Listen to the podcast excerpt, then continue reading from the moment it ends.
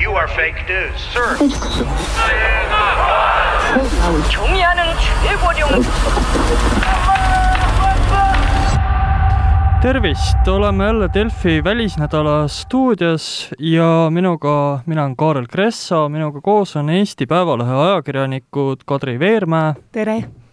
ja Krister Paris. tervitus!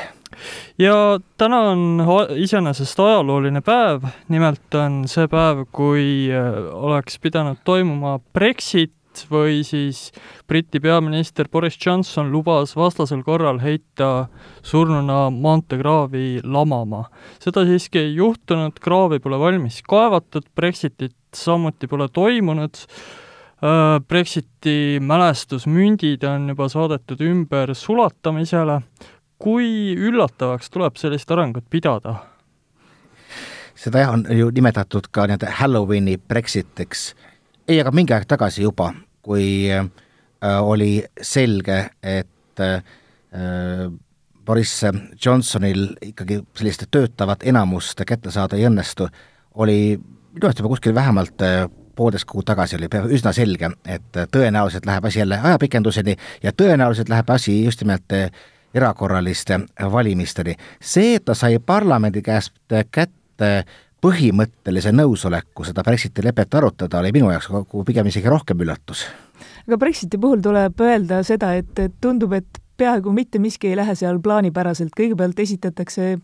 mingisugune suur plaan, siis äh, toimub hästi palju aega selle plaani arutamist ja siis tulevad ette erinevad takistused ja siis see plaan jälle nurjub, kuigi on enne kindlalt öeldud, et äh, just niimoodi, just sellel kuupäeval meie kindlasti lähme ja kõik teised variandid on välistatud. aga praegu, et täna Brexiti päev ei ole, et see tõesti väga üllatav just ei tundu ja pigem oleks olnud üllatav, kui see oleks lõpuks toimunud täna. ühesõnaga, me võime, võime jah öelda, et nii-öelda demokraatia töös, võime küll öelda, et düsfunktsionaalne demokraatia või siis düsfunktsionaalne parlament, nagu kas mitte Boris Johnson ise ei öelnud Briti parlamendi kohta, aga ka täpselt nii-öelda peaministri sõna peale otsuseid vastu ei võeta ma ütleks, et kõige markantsem selle asja juures on see, kuidas Boris Johnson selle Brexiti leppe sõlmimisel reetis oma Brit-, Iiri unionistidest liitlased. nimelt ta väitis neile veel paar päeva enne kokkulepet, et mingisugust kompromissi Põhja-Iiri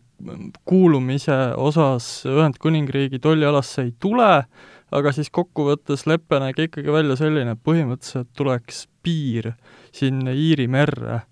ja seda muidugi äh, märkasid ka unionistid, kes erinevalt äh, Brexiti toetajate pealtvoolust siis olid üsna tugevalt selle leppe vastu. aga sellega kaasneb veel see jama, et äh, kas Euroopa poole üldse saab usaldada, et pärast võimalik äh, valimisvõitu Boris Johnson üldse kavatseb sel-, sellegi leppe allkirjastada. et ü-, üsnagi raske on prognoosida, mis sealt tulema hakkab jah, Boris Johnsonil,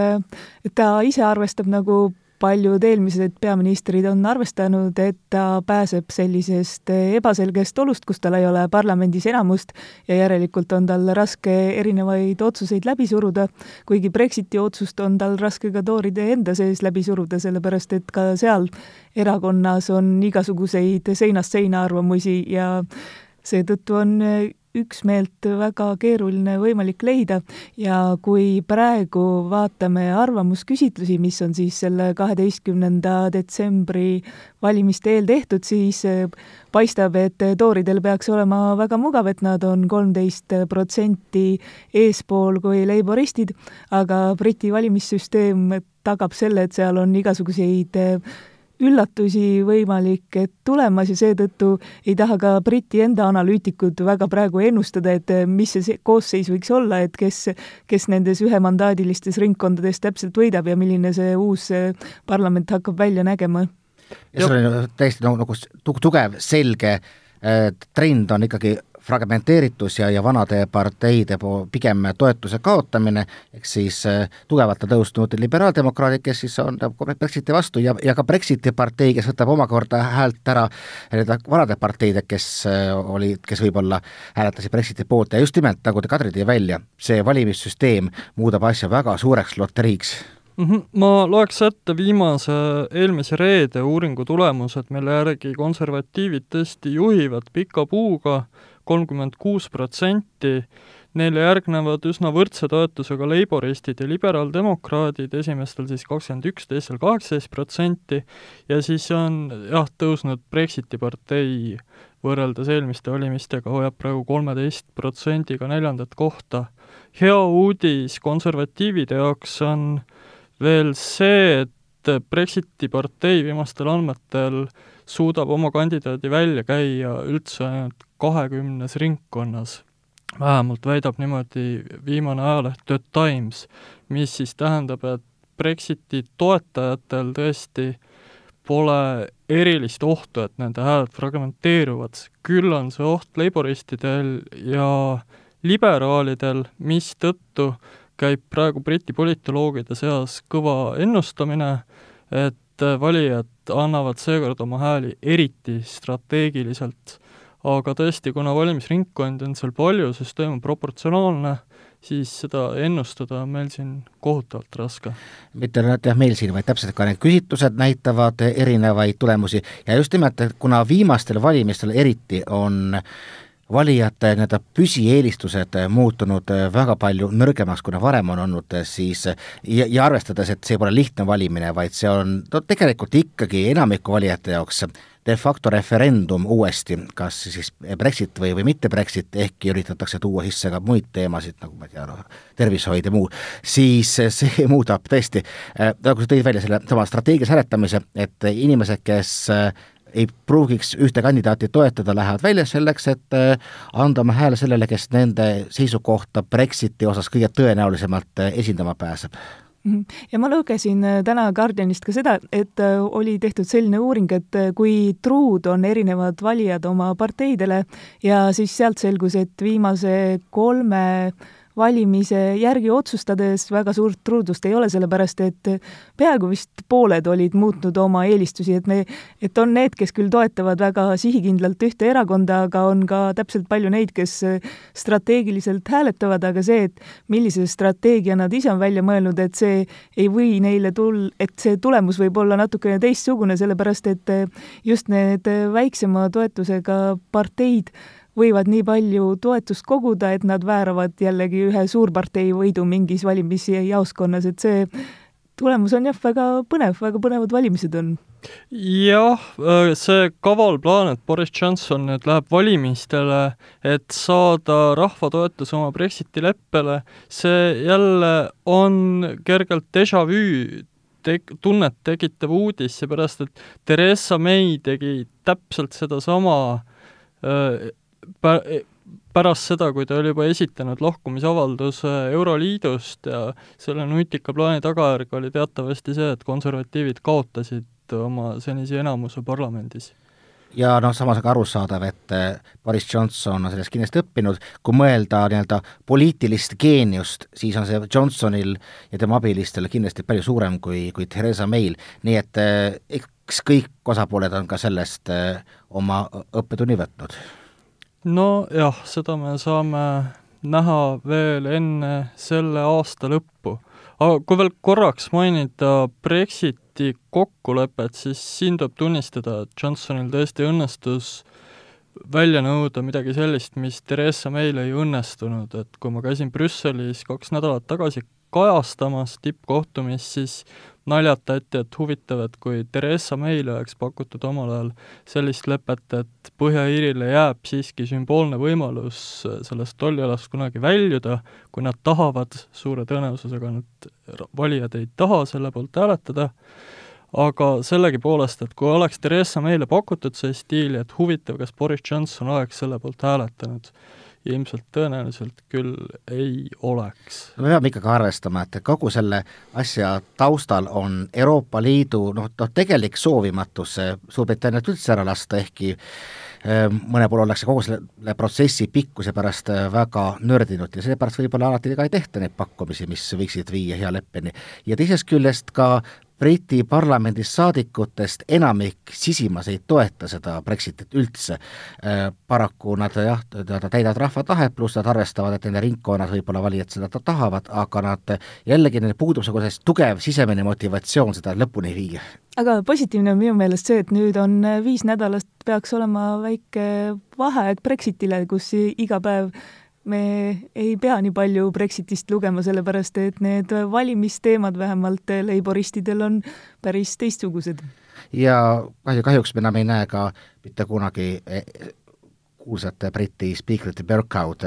hüüdmas order, order, sest tema pikk ja väga värvikas ajalugu saab läbi, nii et vähemalt me, mida me sai, saavutasime kogu selle Brexiti protsessiga, ükskõik kuidas see lõpeb, on see, et me saime väga suurepärase ülevaate Briti parlamentaarse süsteemi toimimisest, mis on mõnevõrra teistsugune kui, kui mujal ja Euroopas. ja see, mida ma käisin Strasbourgis Europarlamendis eelmisel nädalal ja seal mulle rääkis eh,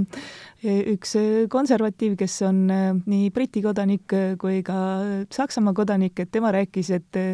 et see, mis me näeme Briti parlamendis, et see on hoopis demokraatia tema kõige kaunimal kujul, et see ei ole mingisugune läbikukkumine, see tähendab, et sa üksikisikuna ei saa lihtsalt oma mingeid äh, ulmasid seal läbi suruda, vaid sellele tõmmatakse pidurit ja see on hoopis positiivne.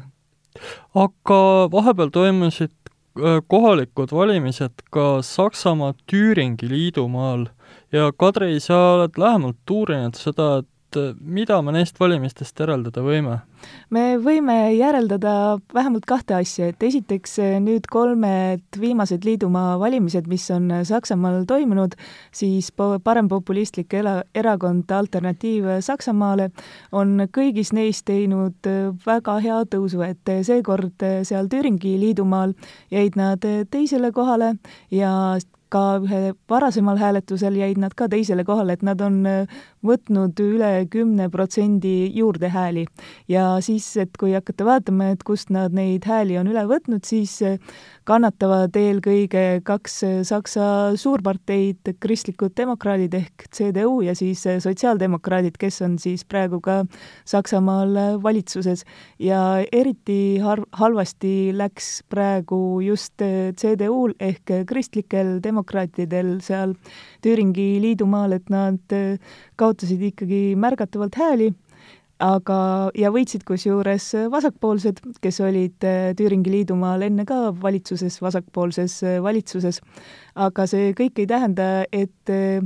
kohalik eh, võim jääks vasakpoolsete kätte, sellepärast et lihtsalt eh, kogu see poliitiline spekter paisati niimoodi segi, et neid seniseid partnereid ei saa peaaegu keegi kasutada ja vasakpoolsed enam võidule või nemad võimu juurde tõenäoliselt ei pääse, sellepärast et nende liidumaa partnerid, sotsiaaldemokraadid said jälle väga halva tulemuse ja see tähendab, et konservatiivid vist hakkavad seal äh, valitsust moodustama, aga küsimus on kellega, sellepärast et äh, alternatiiv Saksamaale ehk populistid, et nemad on nad täiesti selgelt välistanud, siis äh, nende konservatiivide kohalik juht valimiste järel korraks ütles, et võib-olla võiks siis vasakpoolsetega kaaluda liitu, mis oleks midagi väga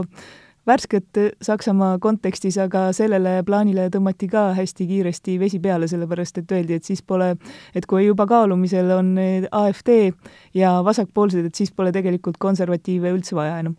aga mis on selle konservatiivide languse nagu põhjus, oskad sa öelda? Oleneb, ke-, kelle teksti lugeda, üks põhjus on muidugi see, et Merkelit ei ole enam Saksamaa sisepoliitikas nii palju näha, sellepärast et ta lahkubki nüüd pärast seda ametiaega ametist, aga teine põhjus on see, et mida ütleme, konservatiivse partei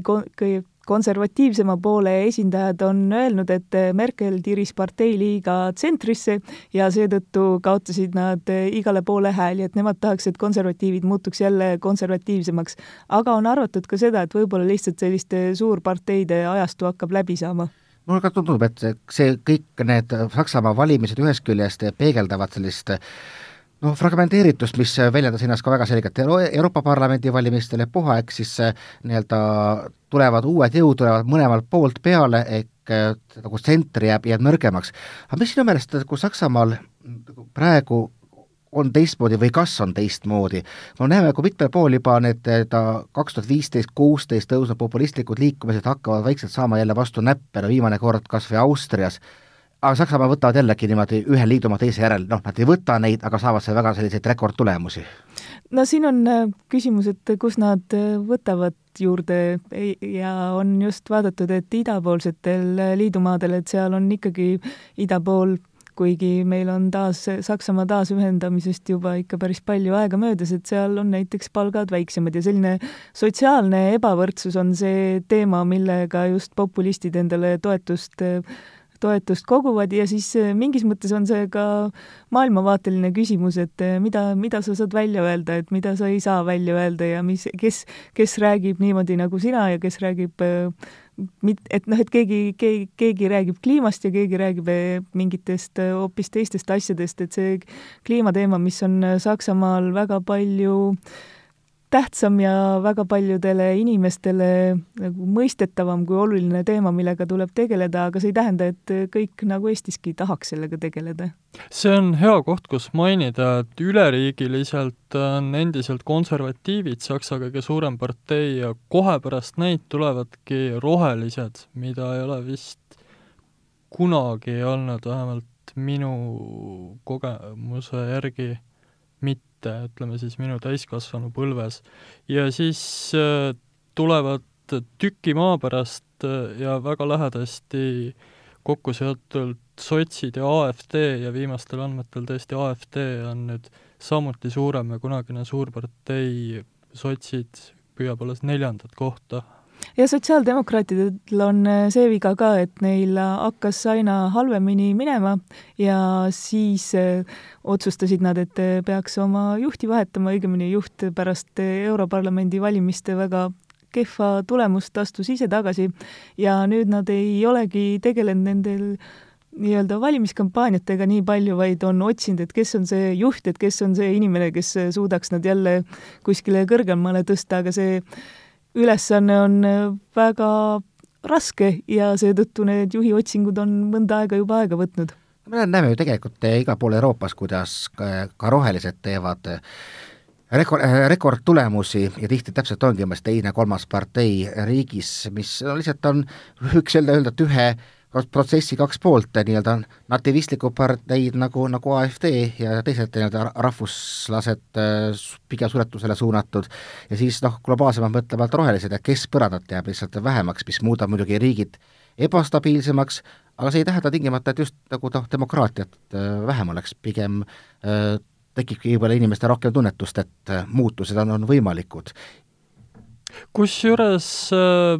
globaalses mõttes küsimus, et mis on need roheliste praegused välispoliitilised vaated, et nad ei ole vist enam nii NATO-vastased ega ka Vene-sõbralikud, kui jätkuvalt on näiteks Tüüringi valimised võitnud vasakpartei Die Linke või teate te täpsemalt, kuidas on roheliste välispoliitilise platvormiga praegu? Mulle Saksamaal igal juhul sealsed kaitseeksperdid rääkisid, et nüüd isegi rohelised on juba valmis rääkima Euroopa kaitsekoostööst, äh, sellistest asjadest, umbes äh, Ukraina eest Venemaale sanktsioonide kehtestamisest, et Saksa parteide välispoliitiline joon on isegi üllatavalt ühtne, isegi AfD välispoliitiline esindaja ei rääkinud väga teistsugust juttu. aga selles on vist asi, et see välispoliitiline joon ei ole nende jaoks kõige olulisem aspekt, et nad keskenduvad ikkagi sisepoliitikale ja nende see noh, see on küll väga elementaarne, et kliimaküsimused on neile olulised, aga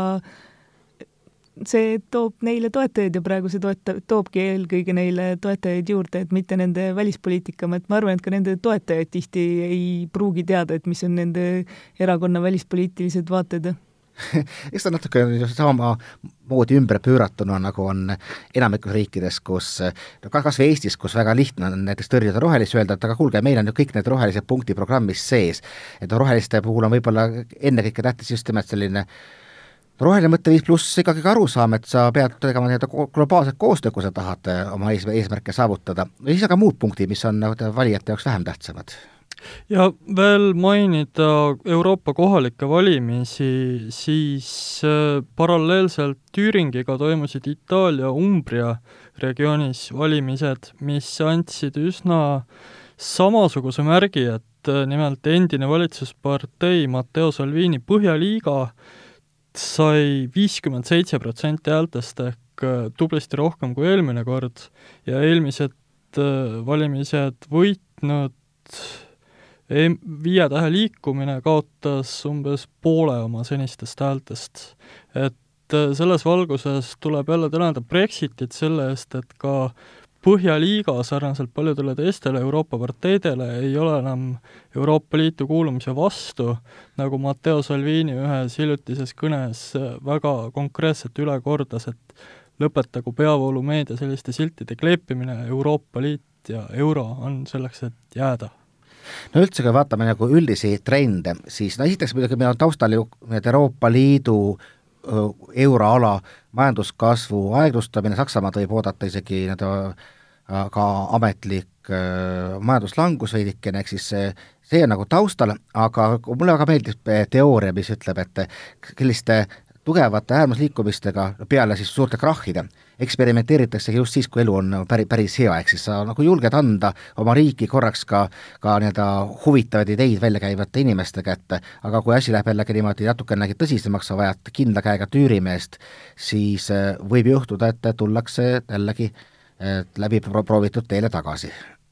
ja mulle vahepeal nüüd ma veel me meenutasin ka, et äh, tegelikult äh, Saksamaal roheliste võim ei ole ka äh, midagi, mida mitte kunagi ei ole olnud, sellepärast et oli asekantsler Joška Fischer, kes Aa, oli, kes oli pikalt äh, valitsuses Ke,. kes no nooruspõlvest tegeles äh, politsei loopimisega kividega ja pärast sai temast minister. Nad ei ole kantsleri kohta saanud, aga seekord võib-olla isegi. aga asi on ka selles, et see CDU enda siseprobleemid, et see on ka teema, mis nüüd äh, Saksa meediat ennast väga huvitab, sellepärast et neil praegune parteijuht, kes ei ole kes ei ole Angela Merkel, vaid kes on Saksa kaitseminister Annegret Kramp-Karrenbauer, et eh, ta ei ole väga armastatud ja te, ja tema numbrid, palju teda toetatakse järgmise kantsleri kandidaadi kohale, et need on ka erakordselt madalad. ja siis sel nädalal toimus üks asi, millest on eh, palju äh, mitte nagu isegi nalja heidetud, aga seda on nähtud mingi sümbolina, et oli digitaliseerimis- ja digitaliseerumise konverents oli Saksamaal, kus äh, osales majandusminister CDU-st Peeter Altmaier, kes siis pidi seal rääkima, kuidas Saksamaa läheb nüüd palju paremini digitaliseerumise teele, sest seal on, selles vallas on suured äh, probleemid riigis aga siis, kui ta hakkas sealt poodiumilt maha tulema, siis ta kukkus ja siis ta kukkus hästi rängalt, tõmmati kohe mingisugune e, riie ette, et mitte näha, näidata teda, kuidas ta seal põrandal on ja siis ta murdis ka ninaluu ühtlasi ja siis räägiti, et see on nagu selline võrdpilt praegusest e, CDU seisust, et sa üritad tegeleda mingi suure teemaga, aga tegelikult oled sa ninali ja meelde jääb hoopis ainult see asi, mis ei peaks meelde jääma, et eh, probleem on küll suur seal, jah. ja referentsi mõttes ütleme ka, et Saksa föderaalvalimised peaks tulema täpselt kahe aasta pärast ehk kaks tuhat kakskümmend üks septembris. et aega on aga räägiks lõpetuseks veel sellest, mis me homses LP-s kirjutame, et siis, kui sina tegelesid Saksa poliitikaga, siis mina jätkasin ISISe juhi al-Baghdadi tapmise detailide jälgimist ja detaile on viimastel päevadel antud kamaluga, koguni nii suure kamaluga, et see tekitab mõningaid kahtlusi, näiteks mul jalutas kolleeg, fotograaf, endine politseinik Andres Puting koridoris vastu ja küsis, et kas ma tõesti usun seda, mida kurdi kindralid räägivad, et äh, noh, et Bagdadi lähikondlane koos äh, igasuguste isiklike andmetega, mi-, mis oli täpselt tema roll organisatsioonis, et ta tegeles Bagdadi pelgupaikade kindlustamisega, aitas Bagdadil organiseerida transporti, muuhulgas varastas tema DNA näidiseid nii kasutatud aluspükste kui ka vereproovide näol, viibis rünnaku hetkel ka seal al-Baghdadiga samas majas, pääses eluga, lahkus USA kopteril ja nüüd naudib juba võib-olla kuskil Floridas oma kuni kahekümne viie miljoni dollari suurust äh, preemiat, et tõesti, mis ma oskan vastata, et äh, neid detaile, mida USA ja kurdi ametnikud on selle reidi kohta avaldanud, homses lehes kajastan, aga kui palju seda uskuda võib, ma ei oskagi vastata. See jah, kui sa paned nagu kahtluse alla, et kui palju sellest võib uskuda, siis üks teooria, mida ma kohe välja tooksin, on see, et tahetakse lämmatada seda suurt prohmakat, mida alguses tegi USA president Donald Trump, kui ta esines avaldusega, siis ta rääkis, kuidas tulid kaheksa kopterit, kuidas, mitu tundi nad sõitsid, mitu tundi nad olid kompoodis, kuidas nad täpselt sisenesid, mille viisil nad sealt uuesti jällegi minema said, sama teed mööda, ühesõnaga ta andis hästi palju operatiivseid detaile selle kohta, kuidas USA eriüksused neid asju läbi viivad mm. -hmm. ja, ja väga paljud äh, julgeolekueksperdid hoidsid kahe käega peas kinni, et kuidas nii ametit tohib. ehk siis, kui vastab tõele, et, et see ütleme, et näiteks Trumpi välja öeldu oli enam-vähem valdavalt nagu nii-öelda tõele vastav, siis üks viis ju, kuidas see infot sellist voogu kontrollida, ongi paisata juurde hästi palju ka nii-öelda prügi ja muda, et seda hägustada. Jah, et neid detaile on tõesti ka juurde tulnud, et kui me nädala alguses teadsime enam-vähem kindlalt, et äh, kopterid väljusid Iraagist, nüüd väidavad USA sõjaväelased juba, et ei, ei, kopterid tõusid õhku kuskilt Süüriast mis seal, ja noh, mitte näiteks, ma ei tea, Küproselt, Maltalt, Vahemerel asuvalt mingisuguselt laevalt, no tõesti. no see juba kõik algab sellest, et üldse see rünnaku koht oli natuke üllatav, et see oli al-Baghdadi jaoks suhteliselt nii-öelda vaenulik territoorium, et see, ta ei olnud seal nagu oma kodus üldse, no võimalik, et ta käis läbi rääkimas ja sellepärast oligi haavatavam ja aga ega tõsiselt äh, võib arvata, et taolises äh, situatsioonis, mis on olemuselt sõda, on asi, mille nimi on sõjaudu ja kõike tuleb võttagi läbi selle prisma. Aga kas me oleme siis veendunud, et al-, Bagdadi on tapetud ikka, et selles faktis me oleme veendunud. kas oled veendunud, et äh, üheksa üksteist korraldas Al-Aqsa no, Al-Qaeda? ei, ei, ei taha vastata. selles mõttes, et noh, ameeriklased ütlevad, et nad tegid DNA proovi, meil on ainuke variant us-, usaldada me Ameerika valitsust või mitte. no muidu ta ilmub välja ja teatab videos, et ta ei ole surnud, aga tõesti, et sellepärast ma kipun ameeriklasi uskuma, siis kuigi ma venelaste eelnevaid selliseid avaldusi ei uskunud, sest venelased on ka vist suhteliselt harjunud, et nende avaldusi ei usuta. no te, te noh, venelastel teid Tšetšeeni välikomandörid ärkasid üles veel märksa tihedamini kui, kui Al-Qaeda omad. ja Bagdadit nad tapsid mingi ikka kaks-kolm korda minu teada aga Kadri, tahad sa rääkida veel, LP-s on taotul kombel, saame kirjutada Aafrikast seoses selle seal valitseva Ebola epideemiaga ja sellega võitlemisega. aga kõik ei läinud vist päris nii, nagu plaanitud, et mis seal juhtus? jaa, asi, probleem on selles, et eh, kui oli see suur esimene Ebola kriis eh, Lääne-Aafrika kolmes riigis, siis eh, võttis Maailmapank selle teatavaks ja proovis teha ühte sellist mehhanismi, et kui kriis uus kriis peaks tulema, siis eh, pääsevad eh, need, kes selle kriisiga seal võitlevad, kiiremini rahale ligi, sellepärast et oluline on see, et kui mingi epideemia kuskilt hakkab levima, et siis sa lähed võimalikult kiiresti kohale ja üritad eh, seda kuidagi kontrolli alla saada, mitte ootad, et kuni see veel levib ja levib, aga rikkad doonorriikidega, neil on selline mure, et see raha saamine, et see lihtsalt võtab aega. et nad annavad toetust, aga see kõik võtab aega ja samal ajal see haigus möllab seal edasi. aga siis tegi Maailmapank ühe mehhanismi, mis, millega arvati, et sellega me saame nüüd selle võidelda ebolaga palju paremini kui varem, aga nüüd tuli siis teist koht, sellepärast et viisteist kuud tagasi Kongo demokraatlikus vabariigis puhkes jälle ebola, nüüd on umbes kaks tuhat, üle kahe tuhande inimese on aega surnud juba,